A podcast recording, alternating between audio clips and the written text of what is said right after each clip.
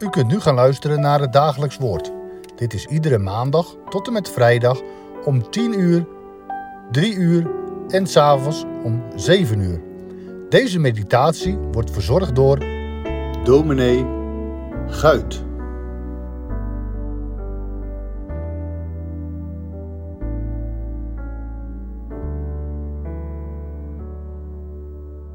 Lees met u enkele versen uit de Bijbel en wel Handelingen 22, vers 12 tot en met 16. En een zekere Ananias, een godvrezend man, die leefde volgens de wet en met een goed getuigenis van alle Joden die daar woonden, kwam naar mij toe, ging bij mij staan en zei tegen mij: Saul, broeder, word weer ziende. En op hetzelfde moment werd ik ziende en zag hem. En hij zei: De God van onze vaderen heeft u voorbestemd om zijn wil te kennen en de rechtvaardige te zien en de stem uit zijn mond te horen. Want u moet voor hem bij alle mensen getuige zijn van wat u hebt gezien en gehoord. En nu, waarom aarzelt u? Sta op, laat u dopen en uw zonde afwassen onder de aanroeping van de naam van de Heere. En het overkwam mij toen ik in Jeruzalem teruggekeerd was dat ik in de tempel bad en in geestvervoering raakte. Het gedeelte dat wij vandaag behandelen verplaatst ons naar Jeruzalem. Daar is de apostel Paulus die de stad bezocht om de gemeente al daar te ontmoeten. Alleen als de Joden erachter komen dat hij in Jeruzalem is, die niet de godsdienst van de Joden aanhangt, maar Jezus Christus verkondigt als zaligmaker, dringen zij op hem aan en willen hem zelfs doden.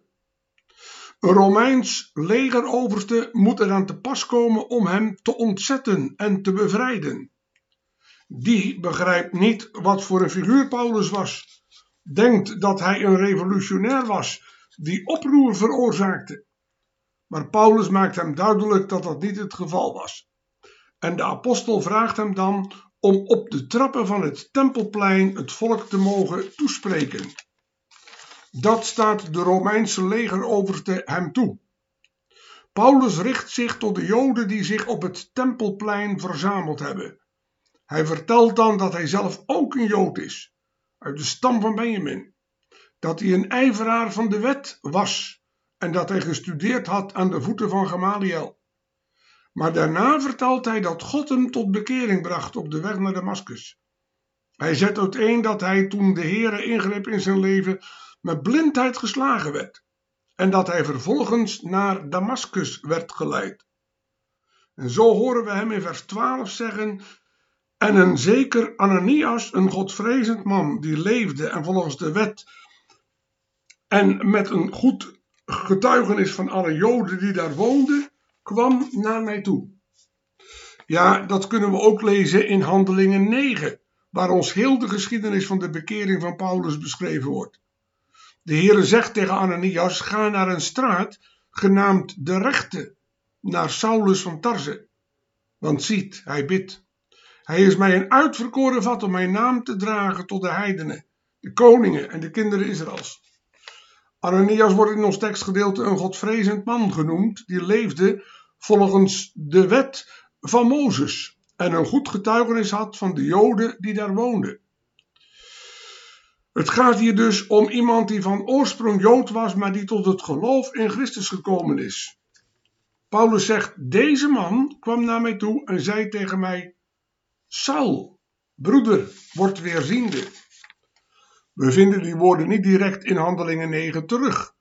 Daar lezen we dat Ananias Paulus de handen oplegde, hem aansprak en zei: Saul, broeder, de Heer heeft mij gestuurd, namelijk Jezus, die u verschenen is op de weg waarlangs u gekomen bent, opdat u weer ziende zou worden en met de Heilige Geest zou worden vervuld.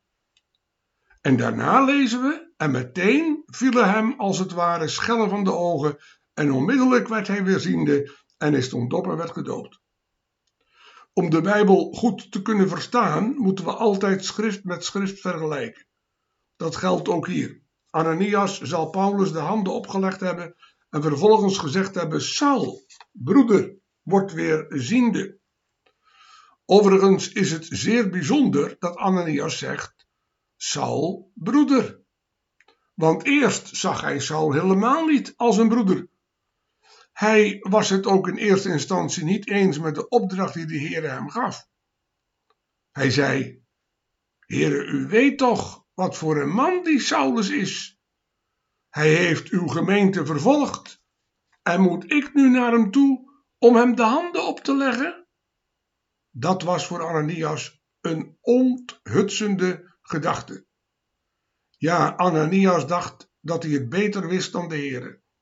Wat kunnen ook Gods knechten eigenwijs en eigenzinnig zijn. Maar de Heere zei tegen hem, ga, want ik heb Saulus van Tarse voorbestemd om heidenapostel te worden bij uitstek. En dan durft Ananias niet meer te weigeren. Saulus wordt ziende als Ananias hem de handen opgelegd heeft.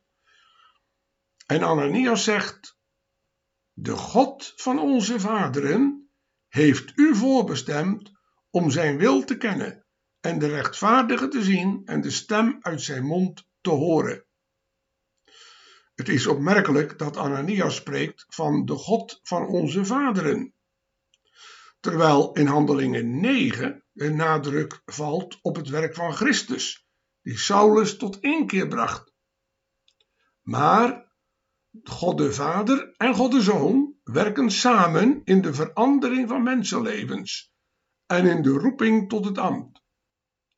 Saulus moet getuige worden van de grote daden van de Heere in Christus. En het lijden, sterven, de opstanding en de hemelvaart van de middelaar moeten door hem worden uitgedragen. Hij moet getuige zijn van het lijden, sterven, maar ook de opstanding van de Heer Jezus Christus.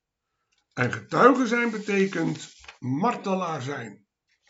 Wel nu, dat heeft Saulus in zijn leven ook ervaren. Hij is gestenigd. Hij is gegezeld. Hij heeft schipbreuk geworpen. Hij heeft schipbreuk geleden. Hij is in de gevangenis geworpen. Hij heeft dag en nacht gewerkt om de gemeente te bearbeiden die hij zelf had gesticht. Ananias zegt tenslotte tegen hem: Sta op, laat u dopen en uw zonde afwassen onder aanroeping van de naam van de Heere. Jawel, in de vroeg-christelijke kerk was de doop een teken van het komen tot het geloof en van het toetreden tot de gemeente. Bij ons is de doop een opgenomen worden in het verbond, met de belofte en de waarschuwingen die eraan verbonden zijn. Voor ons is de vraag: zijn wij ook tot dat geloof in Christus gekomen waartoe Paulus werd gebracht? Zijn we tot bekering gekomen? Nee, we behoeven niet allemaal een bekering zoals die van Paulus mee te maken. Dat was een krachtdadige bekering direct als met een blikseminslag. Het kan ook dat de bekering zich bij ons in een geleidelijke zin voltrekt. Maar één ding is duidelijk. Wij zullen alle onszelf als zondaar moeten leren kennen. En we zullen ook alle tot de overgave aan Christus moeten komen. En het is de geest die ons daartoe brengen wil. Laat daarom ons gebed zijn: Kom, scheppergeest, Doorwaai de hof van mijn hart, doorwaai de hof van onze gemeente. Amen.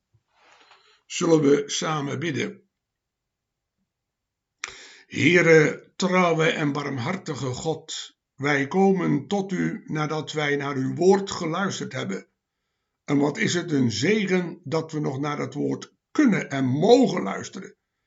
En dat we vandaag horen het getuigenis van de apostel Paulus, hoe u hem in de weg naar Damascus hebt tot bekering gebracht en hoe u hem ook geleid hebt naar het apostelambt. Dat Ananias naar hem toegezonden werd om hem de weg te wijzen die hij moest gaan, om hem op de taak te wijzen waartoe hij geroepen werd, apostel te zijn bij uitstek. En we weten dat Paulus dat geworden is en dat hij vele reizen gemaakt heeft en daarbij ook vele gemeenten gesticht heeft en aan talloos vele mensen het evangelie heeft verkondigd. Heren, wij bidden van u, wilt u geven dat wij door het geloof ook de vrijmoedigheid mogen ontvangen om uw woord uit te dragen op de plaats waar u ons hebt gesteld. En dat wij vanuit het geloof vruchten mogen voortbrengen tot eer van uw naam en tot heil van onze medemens. Gedenk ons in onze privésituatie, bij moeite en verdriet, bij zorg en rouw, in eenzaamheid en in isolatie. En o God, wees ons daarin dan ook nabij. We vragen het alles van u, om Jezus wil alleen. Amen.